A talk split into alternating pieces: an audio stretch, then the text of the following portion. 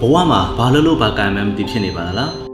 ဒီဗီဒီယိုလေးကိုကြည့်ပြီးတော့ရဆိုရင်တော့မိတ်ဆွေရဲ့ဘဝအတွက်ဆုံးဖြတ်ချက်တစ်ခုခုချနိုင်လိမ့်မယ်လို့ယုံကြည်ပါတယ်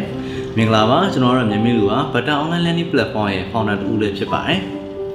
ကျွန်တော်လူငယ်ရင်းနဲ့လူလက်ပိုင်းတွေကိုအများနဲ့မေ့ကြည့်ဖြစ်ပါတယ်ကိုယ့်ရဲ့ဘဝကိုဘယ်လိုပုံဖော်ထားလဲဘယ်လိုရည်ရွယ်ချက်တွေရှိလဲဘာတွေဝါသနာပါလဲနောက်10နှစ်နေရောဘယ်လိုပုံစံမျိုးနဲ့နေခြင်းလဲဒီလိုလေးမေ့ကြည့်ရအခါ89ရာခိုင်နှုန်းလောက်က ဘဝအတွက်ဘာရွယ်ချက်မှမရှိပဲလက်ရှိအခြေအနေကိုပြစ်တင်နေရအောင်ပဲတွေ့ရပါတယ်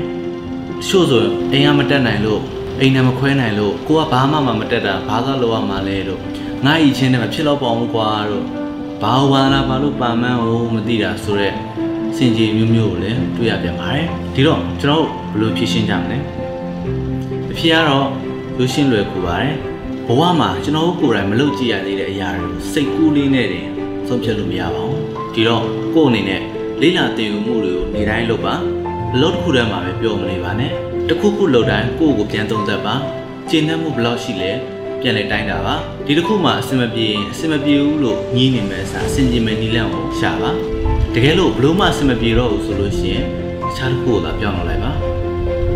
မိတ်ဆွေရဲ့အချိန်ဟာမိတ်ဆွေရဲ့အသက်ပါပဲ ကိုယ့်ရဲ့ဝါသနာကိုဘယ်လိုရှာဖွေရမလဲဆိုရင်တော့ပတ်စံမရရင်တော့ဒီအလုပ်ကိုလုပ်မယ်ပတ်စံပေးရမယ်ဆိုရင်တော့ဒီအလုပ်ကိုလုပ်မယ်ဆိုတဲ့အရာမျိုးပဲဖြစ်ပါတယ်။ဒါကြောင့်ငယ်ရွယ်တဲ့အချိန်ကောင်းမှာတစ်ခုတည်းတနေရာထဲမှာမနေပဲဘဝရဲ့အခြေအနေမျိုးစုံ